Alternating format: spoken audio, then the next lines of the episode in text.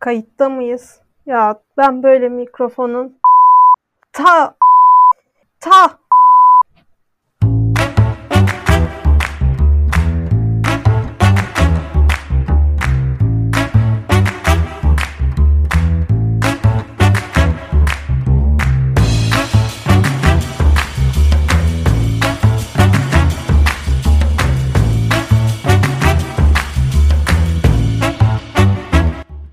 Mutfakta Ne Var'ın değerli dinleyicileri. Yeni bölümümüzden herkese merhaba. Ben Meltem Suat.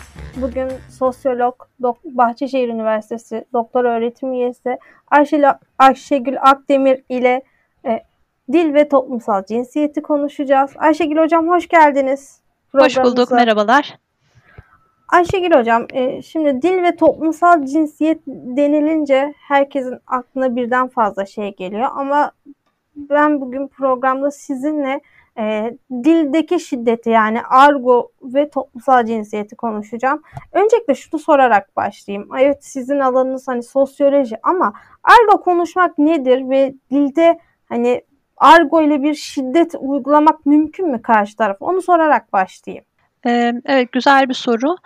Ee, şöyle yani argo illa bir şiddet biçimi olmak zorunda değil. Argo biraz böyle işte teklifsiz konuşma gibi ya da yani farklı konuşma modlarımız var ve farklı insanlarla farklı şekillerde konuşuyoruz. İşte bir e, üniversitede hocamızla farklı konuşuyoruz, arkadaşımızla farklı konuşuyoruz gibi. Hani bu geçişlerden bir tanesi aslında argo ve illa kötü bir şey olmak zorunda değil. Yani argo konuşma illa cinsiyetçi olmak zorunda değil. Ama e, argoda veya e, küfür içerisinde cinsiyetçilik çok fazla var. E, bu yani ikisini belki ayırmak gerekiyor. Yani her argo cinsiyetçi değil ama e, argo ifadeler e, zaman zaman cinsiyetçiliğe kayabiliyor. E, bu hani dediğim gibi illa bir e, şey olmak zorunda değil yani e, karşı tarafa yönelik hani güç gösterisi e, olmaya da bilir. Tam tersi samimiyetle alakalı olabilir veya e, yaratıcı olabilir, içinde mizah olabilir, çok farklı şeyler olabilir. Dilin bir zenginliği de olabilir aslında argo. Ama e, cinsiyetçiliğe kaçtığı zaman tabii ki e, bir problem yaratmış oluyor. E, ve yani argonun zaman zaman bir sevimli tarafı var ya da bu teklifsiz konuşma yakın arkadaşlarımızla yakınlıkla e, özdeşleştirdiğimiz için bazen içindeki cinsiyetçi ifadeleri de fark edemiyoruz. E, o da bir probleme neden oluyor. İşte bu lafları kullanan insanları bazen uyardığımızda ya işte cinsiyetçi bir küfür ettin ya da bu sözün e, çok cinsiyetçi ve yanlış dediğimiz zaman işte ama ben kötü bir şey demek istemedim gibi e, savunmaya geçebiliyorlar. O yüzden çok gri bir alanın da olduğu bir konu aslında argo ve cinsiyetçilik. Okay, hocam şimdi e, benim programı hazırlarken yaptığım araştırmalara göre argo konuşmak ya da kaba tabirle küfretmek e, psikiyatristlere ve sosyologlara göre bir erkeklik gösterisi olarak algılanıyormuş. E, daha çok erkeklere yakıştırılan bir dil. Kadınlara küfretmek, argo konuşmak yakıştırılmıyor ve e, kadınların hanımefendi çizgisini tırnak içinde bozduğuna inanılıyormuş. Ve aynı zamanda küfür genellikle e, mahrem ve kutsal olanı hedef alıyor. Sizce de böyle mi? Yani dil ve toplumsal cinsiyet arasında nasıl bir ilişki var? Dil illa hani mahrem olanı mı hedef alıyor? Ee, çok doğru çok yakın bir ilişki var e, dil ve cinsiyet arasında. Yani dil ve düşünce biçimlerimiz arasında zaten çok yakın ilişkiler var ve bu da e, karşı tarafı nasıl gördüğümüzü ya da bir gruba yönelik neler düşündüğümüzü etkileyebiliyor.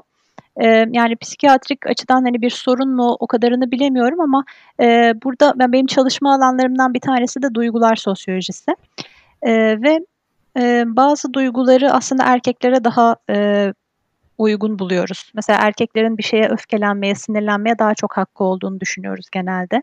Yani biz sosyologlar öyle düşünmüyoruz da e, toplumun genelinde böyle bir kanı var. İşte iş hayatında erkekler sinirlenebilir, sinirlendiğinde erkekler sinirlenebilir. Ama kadınlar öfkeli olduklarında, öfkelerini çok gösterdiklerinde e, hemen onlara isim takıyoruz e, cinsiyetçi küfürler yani en hafifi hani cadılıktan başlayarak cadılığın da zaten böyle cinsiyetçi bir tarihi var. Cadılık e, suçlamasının kadınlara yönelik. E, böyle çeşitli şekillerde kadınlara e, olumsuz yaftalar e, yapıştırılıyor öfkelerini ifade ettikleri zaman. E, küfretmek e, argo ifadeler kullanmak genelde yani öfkeyle de bağdaştırılabilecek bir şey olduğu için belki bu yüzden kadınlara çok yakıştırılmıyor. Erkeklere e, daha çok atfedilen bir şey. Yani kadınlar hanım hanımcık olsun, işte olumsuz duygularını çok fazla göstermesin. Her zaman her durumda güler yüzlü olsun, tatlı olsun, şirin olsun ama işte e, öfkeli olmasın. Öfkelenmeyi hak ettiklerinde bile öfkelerini bastırsın gibi e, bir beklenti var. E, bunun da tabii dile yansıması işte küfretme, e, cici ol e, gibi bir yansıma. Erkeklere biraz daha tabii e, normal e, görülüyor, hak görülüyor. Hatta sosyalleşmeyle de başlayan bir şey böyle küçük erkek çocuklarına e, küfür öğretirler. İşte e, anne babaları belki kızar ama böyle işte e, akrabalar, işte dayılar, amcalar, kuzenler öğretir. Ama böyle alttan alta da gülerler. Yani o, o bir mizahın bir parçası gibidir. Yani sosyalleşmeyle çok erken yaşta başlıyor aslında. Erkek çocuklara küfrün bir hak olarak görülmesi, öfkenin öfkelenmeye hakları olduğunun e, belirtilmesi diye düşünüyorum. Ya şimdi hocam şöyle bir şey var. Hani bizim toplumumuzda bir algı var ya bir yabancı Türkçe öğrendiğinde ona önce küfür öğretilir diye. Ya da artık sosyal medyada ben bir şeyi beğenmek istediğim zaman Twitter'da bakıyorum. İlla ki cümlesinin sonunda ya AQ oluyor ya AMK evet. kısaltması oluyor. Yani o küfrü illa artık bir yere sıkıştırmaya çalışıyorlar. Hatta şöyle bir şey var. Geçtiğimiz yıllarda Vedat Milor'u bilirsiniz. O Twitter'da e, birilerine kızdığı zaman ona gelip şey demişlerdi. Vedat hocam hiç uğraşmayın direkt e, ana bacı yapın bunlara gitsin bunlar ondan anlar diye. O da gayet kibar bir şekilde annesinin Twitter'ı yok ki yapamaz cevabını verdi. O çok gülünmüştü mesela. Hani Vedat Milor küfretmesini bilmiyor diye. Çünkü erkekler küfrü bana göre bir e, erkeklik maçoluk gösterisi olarak anladıkları için hani karşı taraftan da aynı gövde gösterisini bekliyorlar. Evet, şimdi peki hocam e, bunu hani söyledim ama sizce bu hani bir güç göstergesi mi? Tekrar ee, kesinlikle. Kesinlikle öyle. Yani hegemonik erkekliğin e, kendini e, ifade biçimlerinden bir tanesi. Ve burada e, başta da belirttiğiniz gibi kutsal olana yani annelik mesela kadınlık işte ya e, çok kutsal ya da e, yerlerde sürünüyor. E, hani kadınların derdi kutsal olmak da değil, e, haklarını elde etmek ve e, yani eşitliğin olduğu, e, bireysel özgürlüklerin ve eşitliğin e, mümkün olduğu bir dünyada yaşamak. E, hegemonik erkeklik dediğimiz şey yani erkekleri de aslında bir e, topyekün aynı şeyin içerisinde görmemeliyiz. Şimdi bizi e, yani sosyoloji 101 gibi olacak biraz ama e, bizi içinde bulunduğumuz, içinde yaşadığımız toplumda farklı konumları iten çeşitli özelliklerimiz var. İşte cinsiyet bunlardan bir tanesi. Ee, bazı cinsiyetler ya da bazı cinsel yönetim, yönelimler diğerlerinden daha üstün konumda gibi görülüyor. Veya işte sınıf, sınıfsal farklılıklar, sosyoekonomik gücümüz olabilir, eğitim seviyemiz olabilir, kültürel e, arka planımız olabilir, e, belirli bir milliyete bir şeye e, bağlı olmak ya da onun dışında kalmak, azınlık olmak gibi bunlar bizi çeşitli yerlerde konumlandırıyor. Erkekliği de e, bu şekilde hani kesen e, farklı e, yapılar var. O yüzden hani bütün erkekler aynı sosyal, ekonomik, kültürel konumda değiller. E, toplumda daha kabul gören e, ya da daha güçlü konumda olan diyebileceğimiz gruba hegemonik erkeklik e, diyoruz ve bunlar işte mağdun erkekler ya da marjinal erkeklikler üzerinde bir e, güce sahip. E, Türkiye'de de bu hegemonik erkeklik yani istediği kadar e, kibar, rafine görünsün. Hani küfür e, bir kendini ifade etme biçimi olarak burada e, kendine yer buluyor. E, diğer ülkelerden farklı olarak mesela oralarda daha çok mağdun erkeklikler yani sosyoekonomik düzey olarak, kültürel seviye olarak daha düşük gruplar daha çok küfre yönelirken e, Türkiye'de sanıyorum e, çok daha yaygın yani cinsiyetçi küfürler ya da ağır e, ifadeler, ağır tabirleri e, bu hegemonik erkeklik diyebileceğimiz daha e, sosyoekonomik olarak üst seviyedeki erkekler de kullanabiliyor. İşte kullanmadıkları zaman da e, fazla batılılaşmış hatta neredeyse efemine gibi görünen hani bunu olumsuz anlamda söylüyorlar. Mesela Vedat Milor'u işte biraz e, soft buluyorlar küfür etmediği için falan. Yani çok güzel bir örnekti bu anlamda. E, ve e, bu şiddet sadece kadınlara uzanmıyor. Mesela LGBT bireylere de çok fazla uzanıyor. Yani benim gördüğüm kadarıyla cinsiyetçi küfürlerin hedefinde e, ağırlıklı olarak kadınlar var. Bir de e, işte eşcinsel erkekler, translar e, ağırlıklı olarak var. E, herhalde lezbiyenleri kimse çok ciddiye almıyor. E, ama hani ağırlıklı olarak LGBT bireyler ve kadınlar bu e, şeyin e, bu küfür pratiklerinin e, mağduru durumunda kalıyorlar. Hocam e, psikiyatristlere göre küfreden insanların küfürlerinin altında aslında yetersizlik, bastırılmış cinsellik ve bastırılmış öfke yatıyormuş. Ayrıca e, toplumda şöyle bir algı varmış. E, kişiler küfreden insanları daha samimi, daha dobra buluyorlarmış.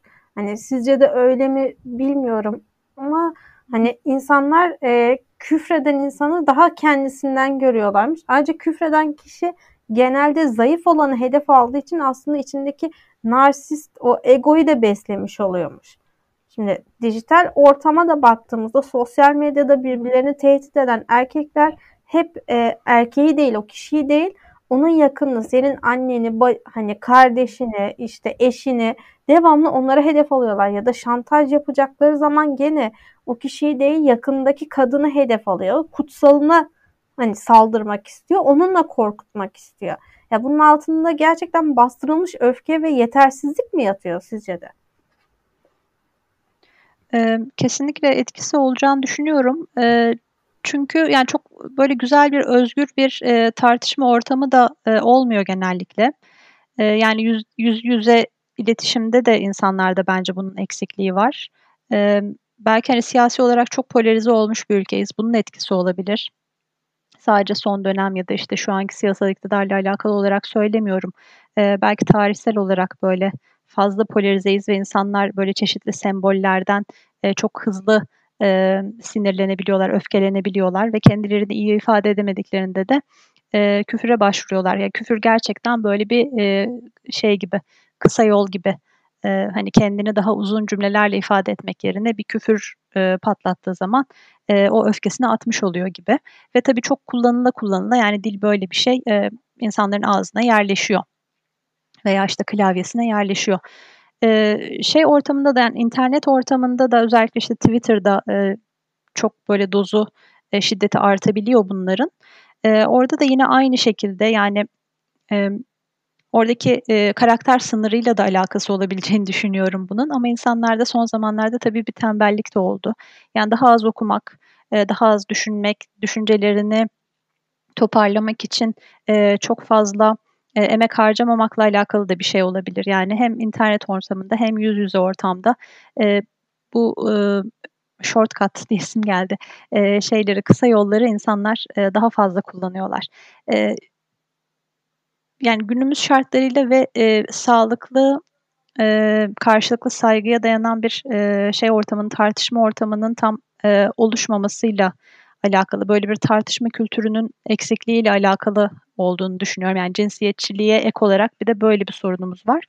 E, çünkü yani kadınlar da mesela bu küfürleri kullanıyor. İşte e, cümlelerinin ifadelerinin sonuna AMK eklemek falan gibi kadınlarda da çok fazla görüyoruz. E, tabii kadınlar da cinsiyetçi dili benimseyebiliyorlar. Yani biyolojik olarak bir insanın kadın olması ya da kendini işte sosyal olarak kadın olarak e, ta- tarif etmesi, o şekilde tanımlaması cinsiyetçilikten e, uzak duracağı cinsiyetçilik konularından azade olduğu anlamına gelmez. Yani cinsiyetçilik bir kadın erkek meselesinden çok çünkü e, cinslere yani bir, bir cinsin ezilmesine dayalı bir bir sömürü düzeni gibi daha yapısal daha genel bir şey olarak düşünülmesi gerekiyor. E, bu anlamda e, herkes cinsiyetçiliğe kapılabiliyor. E, bir biraz dağıldık gerçi konudan tam cevap vermiş oldum mu bilemiyorum. Yok teşekkür teşekkür ederim hocam. Ee, bir de hocam şöyle bir şey var. Hani dediniz ya sosyal medyada hani kısaltmalar kullanılıyor diye.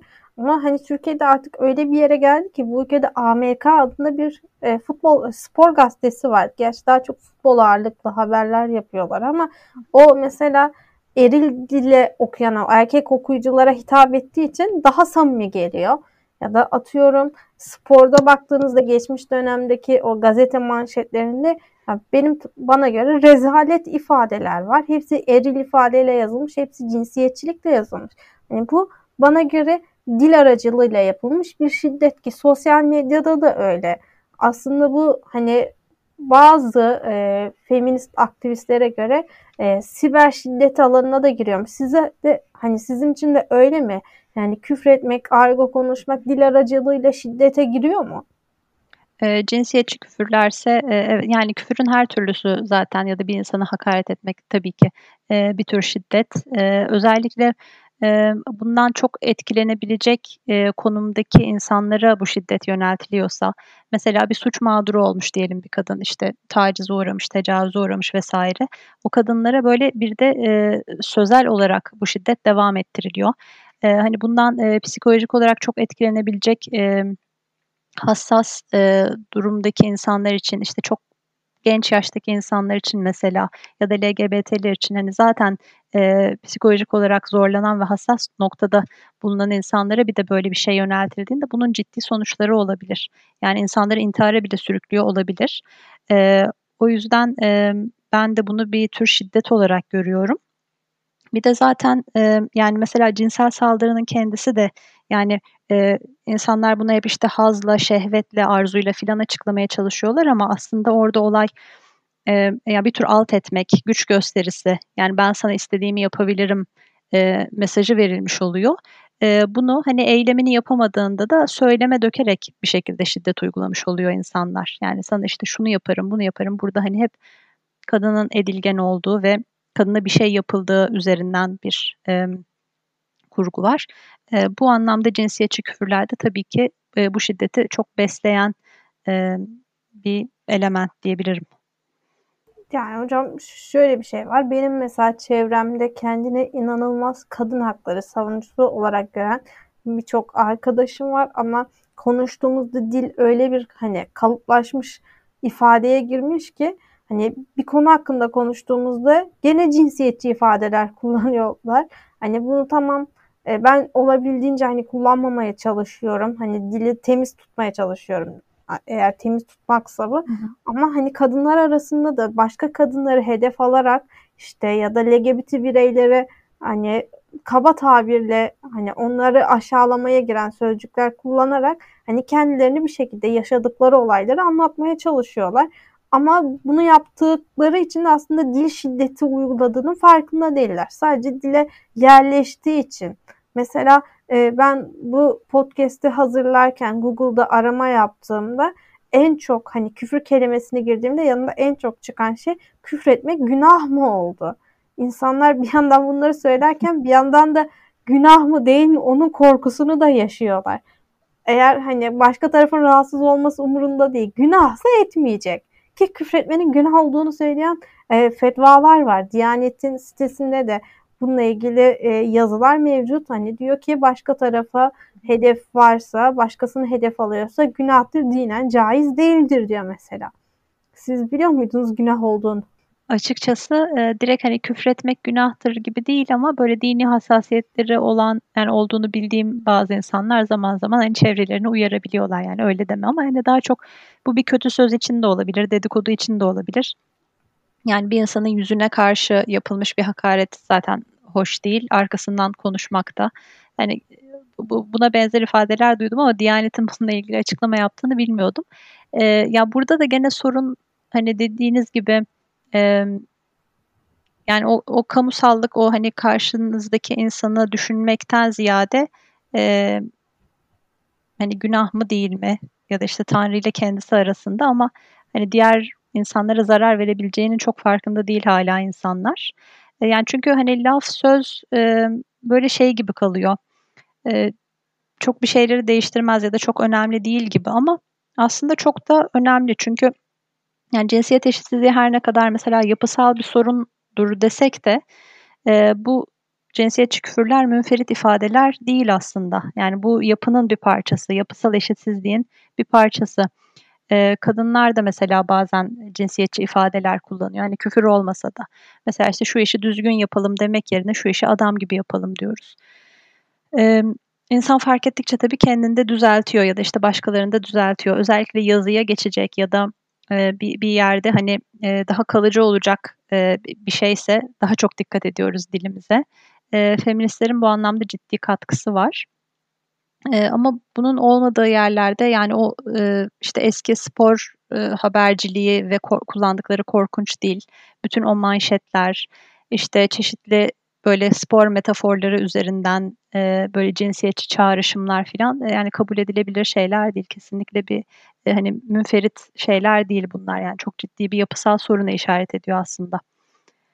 E, bir de tabii şey var yani kimse de hani kötü insan olmak istemiyor. Yani bir tarafta böyle e, kadına şiddeti insanlar evet kabul ediyor. Böyle bir gerçeklik var. İşte kötü insanlar, işte şiddet uygulayanlar, dayakçılar, tecavüzcüler vesaire. Bir anda da hani kendilerini ondan ayrı tutuyorlar. Ama e, söylemleriyle de aslında bu sistemi e, bir şekilde beslemiş oluyorlar. Yani tabii ki bir insana tecavüz eden insanla işte e, bunu ima eden bir küfür kullanan insan aynı derece e, suçlu değil ama aslında aynı sistemin bir parçası olduklarını anlamaları lazım. Belki o zaman biraz daha dillerine dikkat edecekler. Ya hocam dediğim gibi ben burada hani bu program için çalışmayı yaparken hani şunu da söyleyen makalelere denk geldim. Ee, insanlar küfrü aslında bir savunma aracı olarak görüyorlar. Mesela nasıl ki e, bazı hayvanların pençesi var, bazılarının mesela kirpilerin dikeni var, kendilerini koruyorlar. Onlar da küfret ettiklerinde kendilerini koruduğuna inanıyorlar. Bir nevi zamanla gelişen savunma mekanizması olduğuna inananlar var. Ama dediğiniz gibi hani Türk toplumunda hani son dönemlerde feministlerin katkısıyla birçok olayda ilerleme oldu ama hala şu dil konusunda hani yeterli ilerlemeyi göremediğimizi düşünüyorum ben. Çünkü zaman zaman dediğim gibi ben artık sosyal medyada neredeyse hiçbir tweet'i beğenemez oldum. Çünkü sonunda illaki bir AQ ifadesi oluyor. E ben bunu görmek zorunda evet, değilim. Maalesef. Yani, yani küfürsüz de komik olmak gayet mümkün. Hatta e, bir internet sitesinde şöyle bir e, seçki oluyor her hafta. Küfürsüz de komik olunacağını hani şey yapan kadınlardan hani belirten kadınlardan haftanın en komik küfürsüz tweetleri diye. Yani ki tweet'in o seçkinin içinde hiç erkek Twitter kullanıcısı yok. Hepsi kadın. Niye kadınlar küfredemez mi istediklerini? Edebilirler ama onlar diyorlar ki bak kadınlar ne kadar güzel dil kullanıyor. Eril ifade yok. E, küfürsüz de gayet komik olunuyor. İşte bakın güldürebilen kadınlar. Hani kadınlar isteyince de komik olabiliyor diye. Yani. Ee, tabii mesela kadın e, komedyen olmaz, kadından komedyen olmaz filan gibi e, çok e, güçlü şeyler de var. Ön yargılar da var. Yani nedeni mesela yani nedenlerinden bir tanesi bu olabilir. Hani genel bir cinsiyetçilik var tamam. Kadınlara belli meslekleri yakıştıramıyorlar ama hani küfürsüz ya da e, cinsel imalar olmayan espriler yapmayacağı için ya da bunları hani bir erkek kadar yapamayacağı için kadın komik olamaz gibi bir algı var belki. Hani bunu kırmak e, önemli. Yani bence böyle şeylerde zaten dil ve iletişimle ilgili pek çok şeyde e, işi çözecek olan şey yaratıcılık. Yani dil becerilerimizi arttırmak ve e, nasıl diyeyim e, daha iyi iletişim kurabilmek bir şekilde. Yani kendini ifade edecek sözcükleri bulamayan insanlar çünkü daha çok e, küfüre başvuruyor. Peki yani hocam, eğitim seviyesinin de bunda ciddi bir etkisi olduğunu düşünüyorum. Yani eğitim seviyesi sadece bitirilen okul anlamında değil, aynı zamanda eğitimin kalitesi, içeriği olarak da yani yıllar içerisinde çok içi boşaltılmış bir eğitim söz konusu. Mesela evet. e, edebiyat diyelim hani hani bir şey okuyup tartışırdık mesela eskiden lisede. Şimdi e, kim hangi romanı yazmış, hangi şey işte hangi e, kategoride adlandırılıyor. Bununla ilgili bir sürü e, sınav sorusu ve test çözmeye yönelik bir takım e, edebiyatla ilgili bilgiler ama edebiyat böyle bir şey değil. Yani insana bir pencere açacak, bir kapı açacak e, ve ifade gücünü e, geliştirecek, yaratıcılığını geliştirecek bir alanda. Yani eğitimin hem e, Türkiye'de şey olarak e, yani okunan yıl olarak e, genel olarak az olması, Avrupa ortalamasının filan altında olması hem de içeriğinin bu kadar boşaltılmış olmasının da ben bunda biraz etkili olabileceğini düşünüyorum. Hocam yani şöyle de bir şey var. Son dönemlerde hani bildiğiniz gibi Türkiye'de yaşanan üst üste yaşanan birçok olay yüzünden artık gergin bir toplum var. Hani insanlar ben etrafıma bakıyorum sabah mesela evden çıktığımda hani en ufak bir şeyde karşı tarafa hakaret etmeye hazırlanan, e, kavga eden bir toplum haline geldi. Türk toplumunda da bir hani tartışma kültürü kalmadı neredeyse. Hani ben sabah mesela ben İstanbul'da yaşıyorum. Evden çıktığım zaman metrobüse bindiğimde en ufak bir şeyde insanlar kavga etmeye ve hakarete hazır hale geliyor. Hani o boş koltuk kavgasından bile hani birbirlerine hakaret edebilecek duruma geldi ki bunu mesela kadınlar daha çok yapıyor dışarıda. Ee, olabilir yani e, yaşam şartlarımız tabii zorlaştıkça öfke de artıyor ve bunu dışa vuracak e, mekanizmalar azaldıkça insanlar daha çok küfür etmeye meyilli hale geliyor olabilir. E, ben de gözlemliyorum yani e, trafik sorunu artıyor işte metropollerde yaşam zaten zor e, işte iş yaşamı e, sıkıntılı vesaire son işte bir buçuk iki senedir pandeminin etkisiyle insanlar hem çok bunaldılar hem e, maddi olarak e, işte kayıp yaşayan iş, işleri ters giden bir sürü insan var. E, bu da hani küfürle e, kendini buluyor. Hocam peki e, son olarak e, şunu da sorayım. E, dilde cinsiyet eşitliğini sağlamak mümkün mü? Dili temizlemek mümkün mü? Ve eril ifade kullanmadan hani kendi argomuzu oluşturabilmek ilerleyen zamanlarda mümkün olur mu? Bunun önüne nasıl geçebiliriz? Dille şiddetin önüne. Yani bunları tabii yapabilmek çok kolay şeyler olmamakla birlikte hani mümkün olacağını hayal ediyoruz ki yapılması için olması için gayrette bulunuyoruz. Az önce verdiğiniz örnek mesela o Twitter'daki işte yaratıcı ve şey komik ama hani cinsiyetçi ya da küfür ifadeleri kullanmadan komik olan tweetlerin e, ön plana çıkarılması mesela bunları paylaşan hesaplar olması filan e, önemli bir şey. E, hani buna benzer yani iyi uygulamaları paylaşmak, daha çok paylaşmak e, belki bir çözüm olabilir. Yani kesinlikle çözüm yolları var. Çünkü geçmişten günümüze geldiğimizde ben mesela bazen dizileri izlerken de e, fark ediyorum. Hatta e, sizle hani bu yayının konusunu konuştuktan sonra bugüne kadarki aradan geçen zamanda da biraz daha algıda seçici oldum. E, küfür tabi dizilerde çok olmuyor ama cinsiyetçi ifadelere baktığımda yani eski dizilerin tekrarlarında gördüğüm şeyi şu an garipsiyorum mesela. Yani şu anki dizilerde sanki bu ifadelere daha az yer vermeye çalışıyorlar. Gerçi şimdiki dizilerde başka açılardan cinsiyetçi olabiliyor ama en azından yani bu ifadeler işte şu işi düzgün yapalım demek yerine adam gibi yapalım demek artık e, tercih edilmiyor. Yani bu da demek ki iyiye dönük bazı e, gelişmeler e, mümkün. Yani medyada daha fazla bu konuyla ilgili e, farkındalığı olan insanlar arttıkça, e, yapılan haberlerin niteliği, kullanılan dil değiştikçe e, insanların da e, düşünce yapılarında bir şeyler değişecektir. Tabi burada mesela bu dilden en çok, en olumsuz etkilenenler işte kadınlar ve LGBT bireyler e, demiştim. E, mesela feministlerin e, bir şeyi vardı işte bu kadınlar çiçektir lafına e, yani lafından rahatsız oluyoruz haklı olarak. E, işte kadın kadındır, çiçek babandır gibi bir şey çıkarmışlardı. Ama işte anandır baban yani ananı hani babanla değiştirmek çok bir şey ifade etmiyor. Orada da bir gene örtük bir cinsiyetçilik var. En son gördüğüm e, o e, sloganı şu şekilde değiştirmişler. Kadın kadındır, çiçek çiçektir. Baban da umarım cinsiyetçi değildir. E, yani hani dediğim gibi yaratıcılık herhalde bizi kurtaracak. Yani dille daha iyi ifadeler bulabilmek, daha iyi kendimizi ifade edebildikçe, biraz da işin içine mizah e, kattıkça insanları biraz daha düşünmeye sevk edebiliriz ve bu konuda daha işte özverili olmaya, hani kendimizden başlayarak. Ya hocam çok teşekkür ederim. Son verdiğiniz örnek de çok iyiydi. Evet, buradan tekrar ben de söylemiş olayım. Kadın kadındır, çiçek çiçektir. Umarım kimse de cinsiyetçi değildir. Kimsenin Öyle ailesi umuyoruz. ya da arkadaş çevresi cinsiyetçi değildir. Bu eril dili, e, kaba ifadeyi hayatımızdan hızla söküp atacağımız günleri de görürüz. Çok teşekkür ederim hocam konuk olduğunuz için. Çok keyifli bir sohbetti. Tekrar Rica ederim. Benim için de öyleydi. Umarım dinleyenler de keyif almıştır. Bence alacaklarını düşünüyorum. E, programımızın sonuna geldik. Önümüzdeki haftalarda yeni konuklarla e, yeni konuları konuşmak, tartışmak için bizi takip etmeyi unutmayın.